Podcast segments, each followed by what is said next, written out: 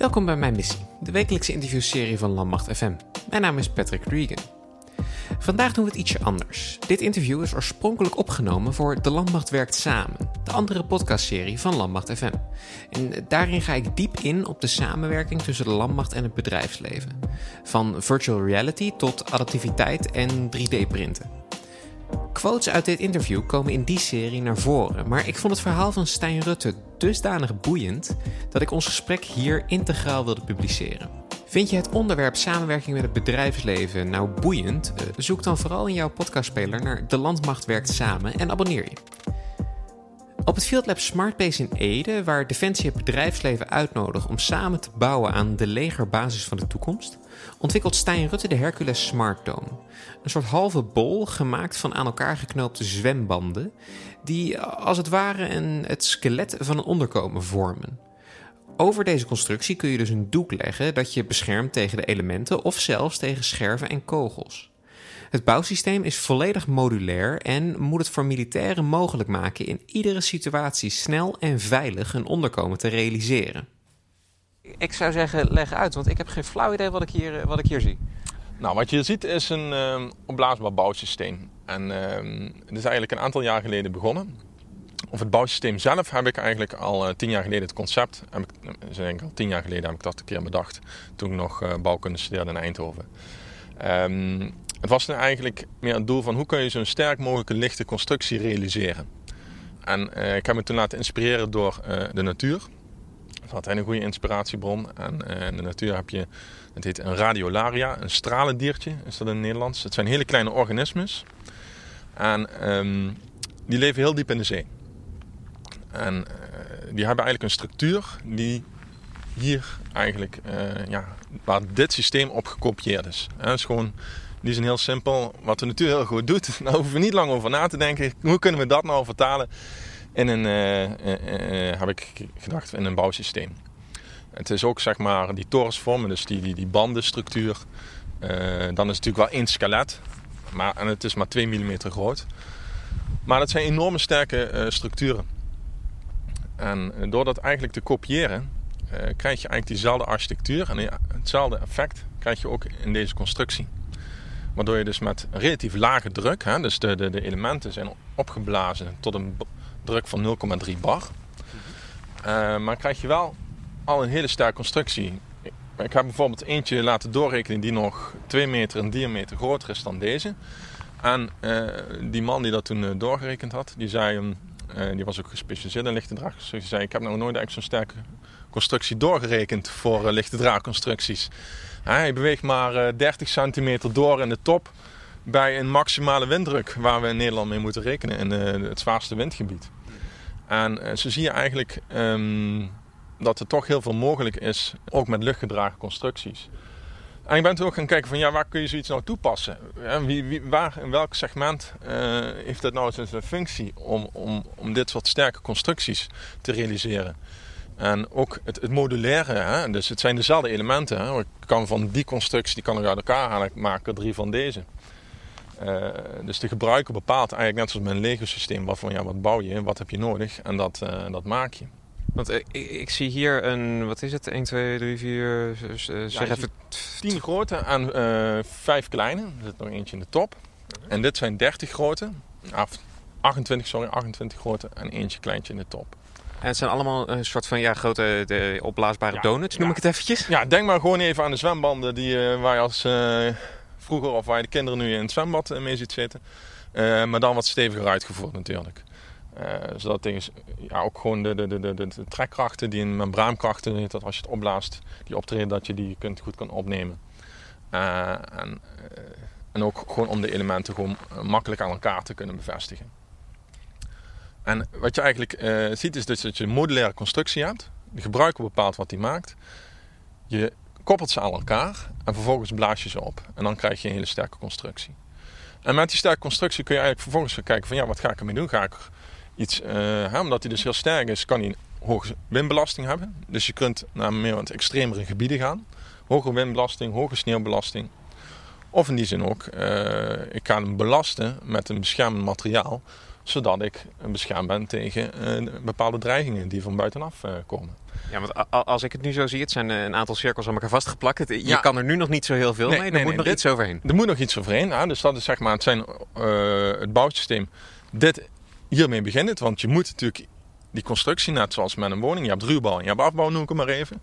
Dit is de ruwbouw en die afbouw, dat is die ballistische bescherming. En daarvoor uh, werk ik dan ook samen met uh, partijen als Dynema.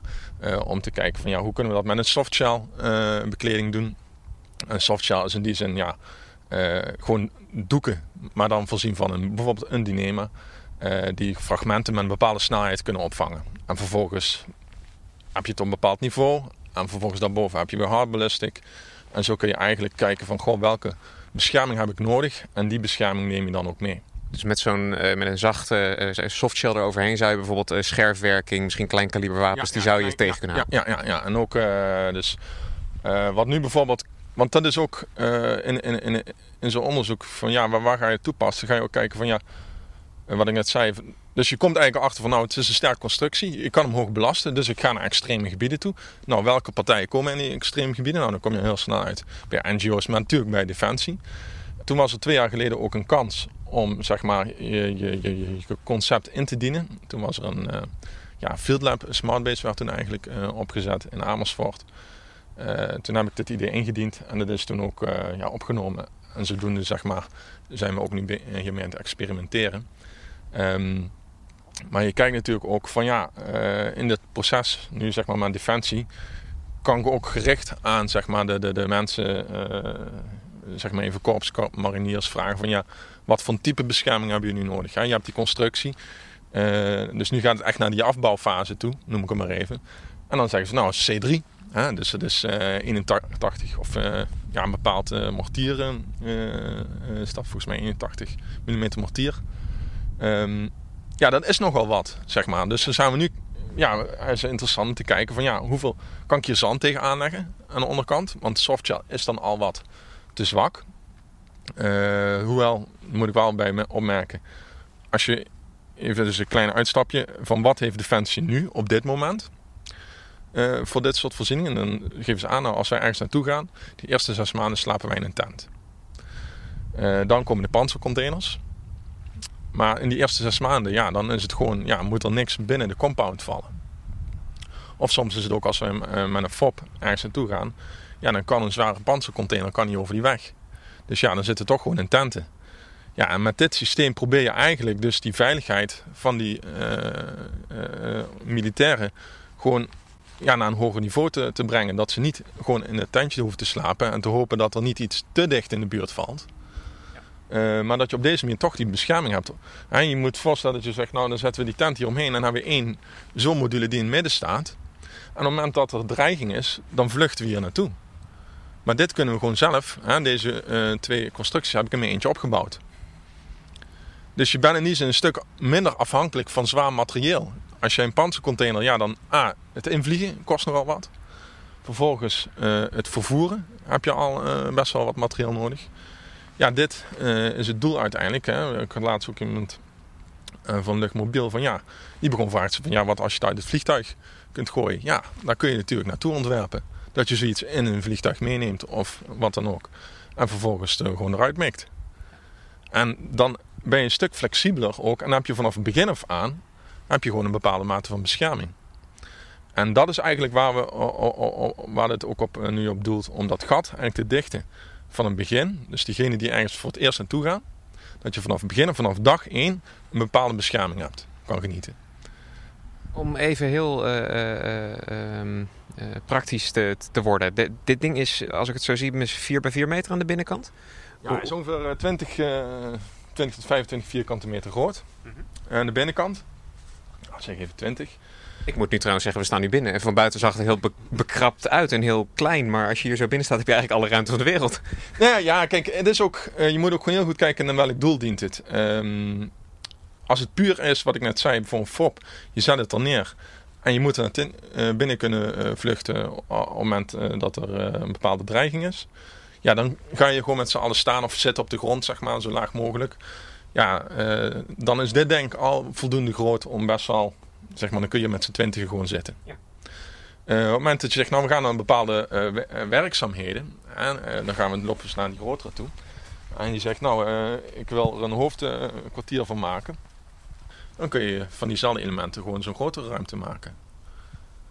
En dan... we, we, kennen bij Defensie de, de klassieke boogtent. Het, uh, het makkelijke ding wat iedereen even snel opbouwt inderdaad. Uh, dit is echt wel een heel stuk ruimer. Ja, dus je hebt in die zin de, de, de flexibiliteit om uh, eerst... Dus in de eerste zes... Want daar gaat het eigenlijk om. De eerste zes maanden kies je waarschijnlijk sneller voor dat. Omdat je alles aan het opbouwen bent. Je bent dingen aan het voorbereiden. Maar vervolgens heb je die elementen. En dan vervolgens zeg je van nou, uh, misschien moet ik een werktent hebben waar ik duur materieel kan opslaan. Of ik moet een bepaalde opslaglocatie hebben die ook gewoon beveiligd is. Of uh, ja, beschermd is moet ik het zeggen. Dan kun je met diezelfde elementen dit maken. Dan hoef je niet iets nieuws in te vliegen zeg maar. Of uh, dus ook elkaar logistiek probeer je ook de, ja, de, zaken zo makkelijk mogelijk te maken. En de flexibiliteit vooral. Dus Hè, dat is denk ik voor, voor Defensie heel belangrijk. Van, je weet soms gewoon niet wat je te wachten staat.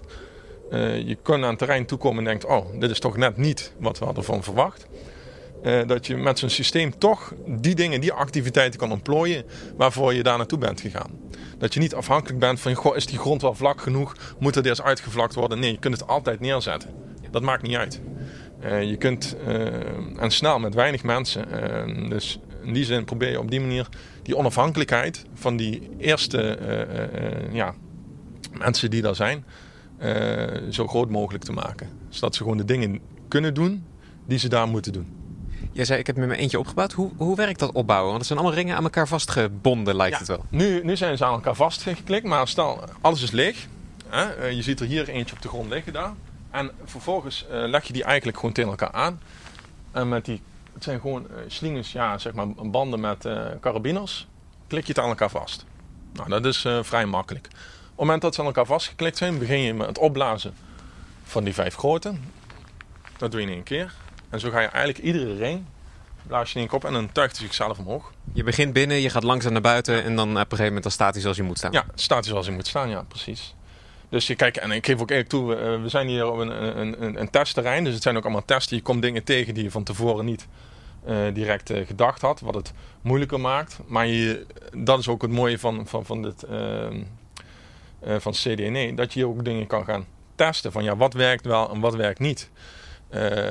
en met de input, zeg maar, die je ook, of de, de terugkoppeling die je krijgt hier van, van de mensen zelf en de, de bezoekers die er komen en de vragen die je stellen, kun je zo'n systeem ook steeds verbeteren. En dat het steeds dichter aansluit bij de, de wensen en de behoeftes van die militairen die uiteindelijk zo'n product ja, moeten gaan meenemen.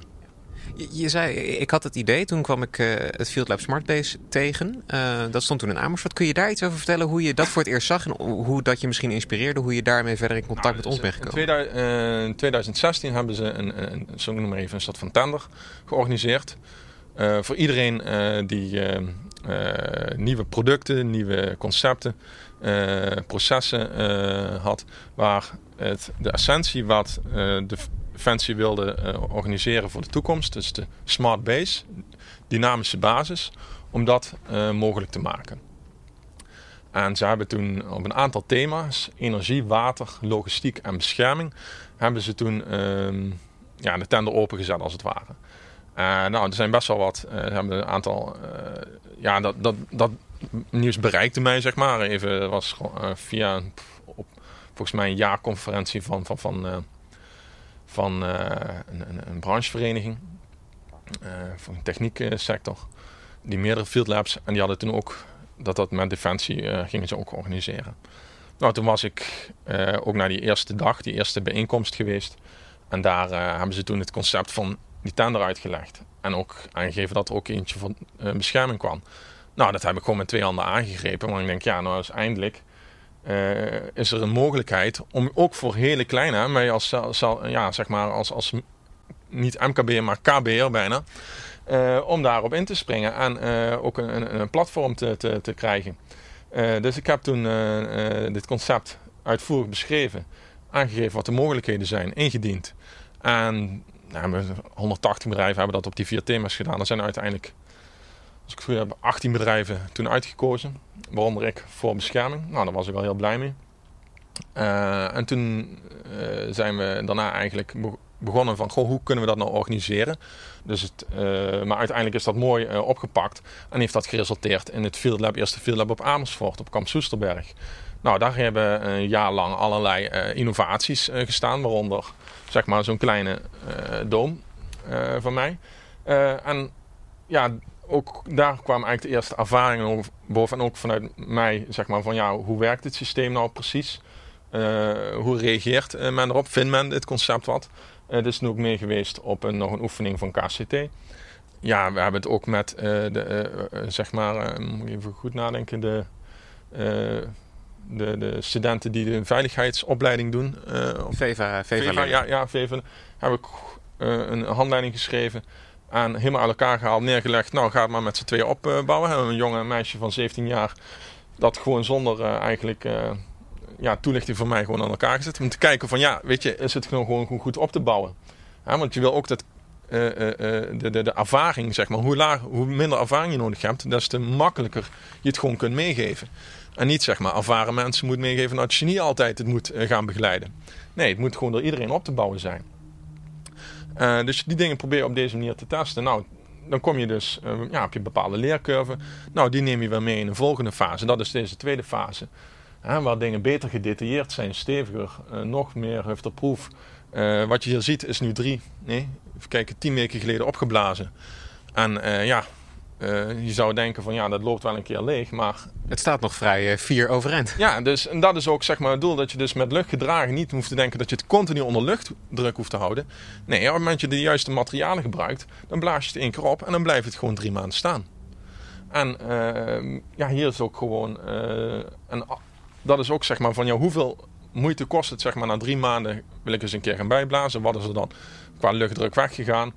Maar ja, als je dus zeg maar iets dan doen hebt omdat iets zes maanden blijven staan en je moet het halverwege een half uurtje opblazen, ja, dan is dat vrij weinig. Want dat kun je echt letterlijk met een pomp doen, luchtpomp. Want uh, dat doe ik dan ook met een kitepomp. Dat zie je ja wat. Kun je best wel veel uh, meer volume uh, mee opblazen. En daar blaas je ze gewoon mee, mee verder op. En dan ben je een half uurtje voor zo'n constructie ben je gewoon klaar. Ja. Dat zijn dingen, zeg maar, van hoe kan ik, hè, wat ik aan het begin, hoe kan ik die onafhankelijkheid zo groot mogelijk maken uh, en alles in diensten te zetten zeg maar, van de activiteiten, activiteiten die ze daar moeten ontplooien. En uh, wat ik nu van jou hoor, uh, testen, proberen, probleem tegenkomen, aanpassen. Ja. jij bent wel de ultieme start-up Ik ben in die zin de, de ultieme start-up. ja, dat geef ik ook meteen toe. misschien ben ik ook zelfs al een beetje een vreemde eend in de bijt voor Defensie. omdat ze denk ik vooral gewend zijn om met grote bedrijven eh, eh, te, te werken. Hè? Eh, en dat, dat zal, ja, weet je, dat is ook gewoon normaal voor zo'n grote organisatie. Moeten snel slagkracht hebben, flinke productiecapaciteit. Maar um, wat wij hier doen is eigenlijk het ontwikkelen van kennis. Hoe moet zo'n systeem gemaakt worden? Het is uh, gepatenteerd. En vervolgens, uh, op het moment dat je weet hoe je het moet maken, uh, kunnen zij gewoon een tender uitschrijven en zeggen van nou, zo moet het gemaakt worden. En uh, dan zit ik er alleen voor een licentie, zeg maar, uh, bij naar die partij toe. Of ook om te adviseren, om, uh, van, is het product goed gemaakt? Maar ze kunnen het, zeg maar net zoals ze het nu doen, gewoon aan iedereen, zeg maar, bedrijven die daar met dit soort materialen werken, die kunnen dat gewoon gaan maken. Maar wel volgens de methodiek die ik dan beschreven heb. Dus in die zin ontwikkelen we gewoon kennis. Jij hebt het, uh, de kennis, jij hebt het patent op het, het, product zelf. Het bedrijf dat dat eventueel kan maken, ook op de schaal waar jij het denk ik niet in zou kunnen maken. Nee, nee, nee, want dit product wordt nu ook al gemaakt bij uh, ProSeal in Eindhoven. Nou, die zijn gespecialiseerd in uh, grote volumes van hetzelfde product. ze doen dat ook voor de, de, de offshore-industrie, voor de olieindustrie. dus ze hebben de juiste machines, de juiste processen. En, maar ja, die bedrijven zullen, vinden het minder makkelijk zeg maar, om iets vanaf nul af aan op te bouwen. Die hebben een bepaalde flow nodig.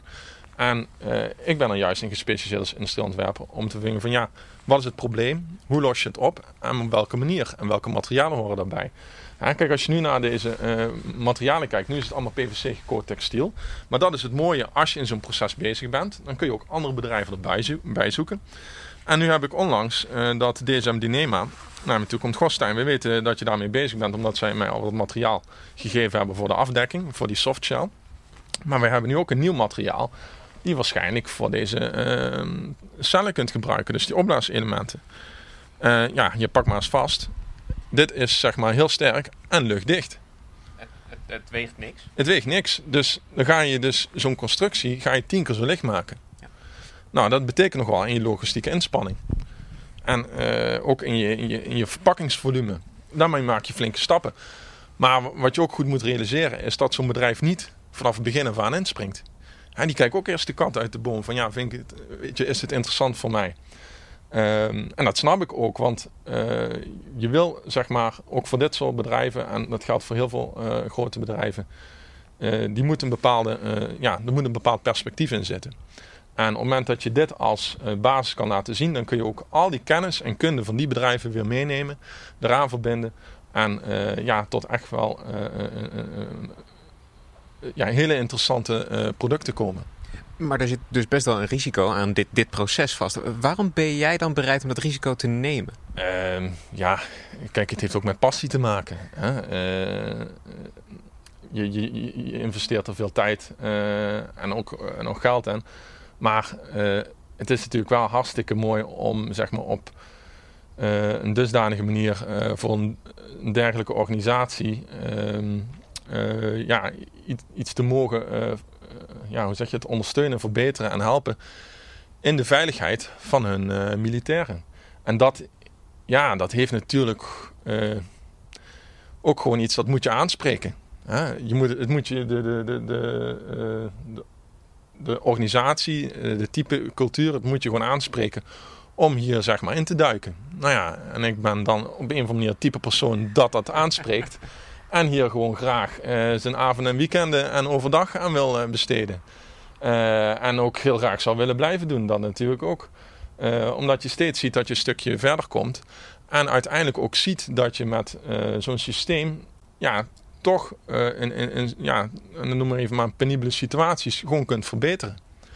En ik hoop op die manier, zeg maar, dat zou fantastisch zijn. Op een manier dat dus militairen die elders zijn, en een bepaalde dreiging ondervinden, dat je die een bepaalde ja, meer veiligheid kunt bieden. Dat is gewoon heel, vind ik iets heel ba bazaals. En uh, dat type werk, eh, of die prestatie, die vind je niet in ieder vakgebied waar het zo uh, bazaal is om gewoon, uh, ja, uiteindelijk gewoon dingen, ja, ik noem maar even, op het moment dat je een leven kan redden. Ik zeg niet dat dat meteen gebeurt, maar daarvoor wil je wel werken.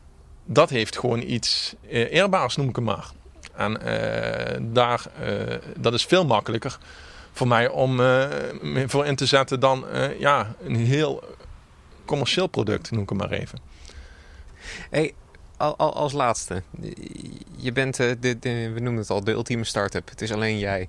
Hoe zit dan het, um, ja, misschien wel cultuurverschil, cultuurclash met inderdaad zo'n groot bedrijf als de Landmacht? Um, ik denk dat dat juist uh, enorm meevalt. Omdat ik juist uh, zelf hiermee bezig ben voor Defensie. Um, kan ik me ook veel makkelijker aanpassen. Uh, we kunnen samen beslissen. Ik hoef niet geen ruggespraak te houden met anderen. we kunnen gewoon samen kijken van ja, wat is beter, wat werkt wel en wat werkt niet. En dat heeft ook een bepaalde snelheid. Ik kan wel snel op die manier als Defensie aangeven van nou, dit is wat we willen, dan kan ik gewoon direct beginnen. Ik hoef geen lange vergaderingen te hebben. Het is gewoon direct operationeel, productief aan de slag. Bij Defensie duurt het misschien wat langer. Maar ook daar komt ineens een beslissing uit van ja, je gaat mee verder. Nou, dan kan ik gewoon direct beginnen. En dan krijg je ook twee VEVA-leerlingen die het uit gaan proberen en ja, die zeggen... Ja, ja. En, en, we gaan straks gaan we hier ook in het voorjaar, want dan uh, komt er wat meer activiteit, gaan we hier ook zandzakken tegen aanleggen. Kijken hoeveel het kan uh, houden met zand.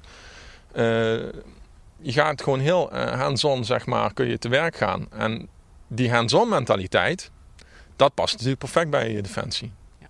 Ja. Dus uh, ja, misschien zit er bepaalde uh, logheid, maar dat is natuurlijk logisch voor een grote organisatie als defensie. Maar op het moment dat ze willen gaan en het hands-on wordt, dan kan ik in hetzelfde tempo gewoon meegaan. Ja. Omdat ik, ja, met z'n tweeën, we kunnen het hier beslissen. En uh, dat is denk ik wel voor, voor zo'n beginfase van innovatie. Werkt dat gewoon wel? Dan ga ik hem toch nog, nog stellen. verder naar de toekomst kijkend. Er staan hier nu twee dooms. We hebben trouwens de naam nog nooit genoemd. Dus. de, de dooms van het, systeem. Ja, goed dat je het vraagt. Hercules Building System. Heb ik, ik noem het. Ehm, ik heb in die zin voor de naam Hercules gekozen. vanuit de Griekse mythologie. Die heeft ook flink wat aantal opdrachten uitgevoerd. Allemaal verschillend van aard. En dat is met dit systeem in die zin eigenlijk ook. En je kunt het uh, voor verschillende doeleinden inzetten. Uh, dus het, het, die veelzijdigheid, die heb je eigenlijk in dit uh, systeem, vind je die terug. En vandaar de naam Hercules. En het heeft ook wel wat sterks in zich, de naam. En dat is dit systeem ook. Dus op die manier. Hey, en wat staat er nou te wachten? Je had het over, over volgend voorjaar, dan gaan we dingen opbouwen. Nou, maar verder dan dat? Nou je gaat natuurlijk gewoon eerst uh, ga je testen. Uh, dus je hebt dus, wat ik zei, die ruwbouw, dus je hebt de constructie. En nu ga je naar al die afbouwmogelijkheden. Nou, daar zijn we aan het kijken van, goh, wat werkt het beste? Ook in de uitvoeringstechniek, dat we het snel kunnen opbouwen met weinig mensen. Um, en er zijn verschillende, ja, nu, je hebt inderdaad gewoon het vlakvuur, uh, zeg maar, laag, of ja, gewoon laag, laag kleiner kaliber. Wat ga je daarvoor gebruiken? Wat ga je echt gebruiken voor, voor scherven die met 1500 mm of meter per seconde komen invliegen, is het mogelijk om daar een goede bescherming tegen te realiseren en hoe ziet die uit. Uh, dus dan ga je uh, weer naar die volgende stap. Maar vervolgens ook van ja, wat als ze zeggen van we willen dit in een vliegtuig meenemen? Ja, welke? Wat zijn de verpakkingseisen daarvoor? Wat mag je, welke materialen mogen in een vliegtuig getransporteerd? Ga je natuurlijk ook naar een fire resistancy film kijken. dus dan ga je het veel specifieker kijken. Dit is het concept, zeg maar ja, het is uitgewerkt en dit kun je meenemen. Maar het kan heel goed zijn dat een specifieke afdeling binnen Defensie zegt: ja, maar wij moeten het voor deze situatie geschikt hebben. dan kun je gewoon zeggen: van nou, dan gaan we met deze beginnen. Dit is dus in die zin eh, de kleinste versie, maar wel al meteen effectief in zijn resultaat. Deze zal ook het sterkste zijn, omdat hij de kleinste overspanning heeft. En kun je dus het meest ja, robuust maken. Uh, maar je moet heel goed dan kijken van ja, waarvoor wil je nou precies gaan inzetten. Het is al een groot verschil waar ik zei of iets door de lucht ingevoerd moet worden of dat het gewoon per vrachtwagen gaat. Ja, dan ga je toch alweer bepaalde dingen veranderen. En uh, dus wat komt hierna? Testen. De verschillende afdelingen, dus de, uh, de, de, de kenniscentra, zullen dan moeten beoordelen van ja, is dit interessant voor onze afdeling? En vervolgens gaan definiëren van ja, wat moet het dan precies zijn en dat dan uh, zeg maar uh, verder gaan ontwikkelen. En dan heb je uiteindelijk het product wat gewoon ingezet kan worden. En van daaruit kun je ook weer alle afgeleiders kijken. Hè, want dan zal andere afdelingen zeggen, ja maar wij willen dat groter. Nou dan ga je van daaruit weer naar die toe. Dus je probeert dat eigenlijk rustig en gestaag, maar wel gecontroleerd verder uit te ontwikkelen. Zodat je uiteindelijk ook het doel van Defensie, dus een veiligere omgekomen voor die eerste zes maanden dat dat gewoon gerealiseerd wordt. Onwijs bedankt voor het luisteren. Mijn gast vandaag was dus Stijn Rutte. Vond je dit gesprek nou interessant en wil je meer weten van onze samenwerking met het bedrijfsleven of het Field Lab Smartbase specifiek? Luister dan naar De Landmacht Werkt Samen. Gedurende januari verschijnt daarvan iedere dinsdag en donderdag een aflevering. Je vindt het in vrijwel iedere podcastspeler. Mijn missie is een productie van de Koninklijke Landmacht. Nieuwe afleveringen komen iedere maandagochtend online en je vindt ze in de meeste podcastspelers. Gewoon zoeken op Mijn Missie. Abonneer je en mis geen enkele aflevering. Je volgt de Koninklijke Landmacht via Twitter, Facebook, Instagram en YouTube en check defensie.nl voor het laatste nieuws rondom de krijgsmacht. Nogmaals, onwijs bedankt voor het luisteren en tot volgende week.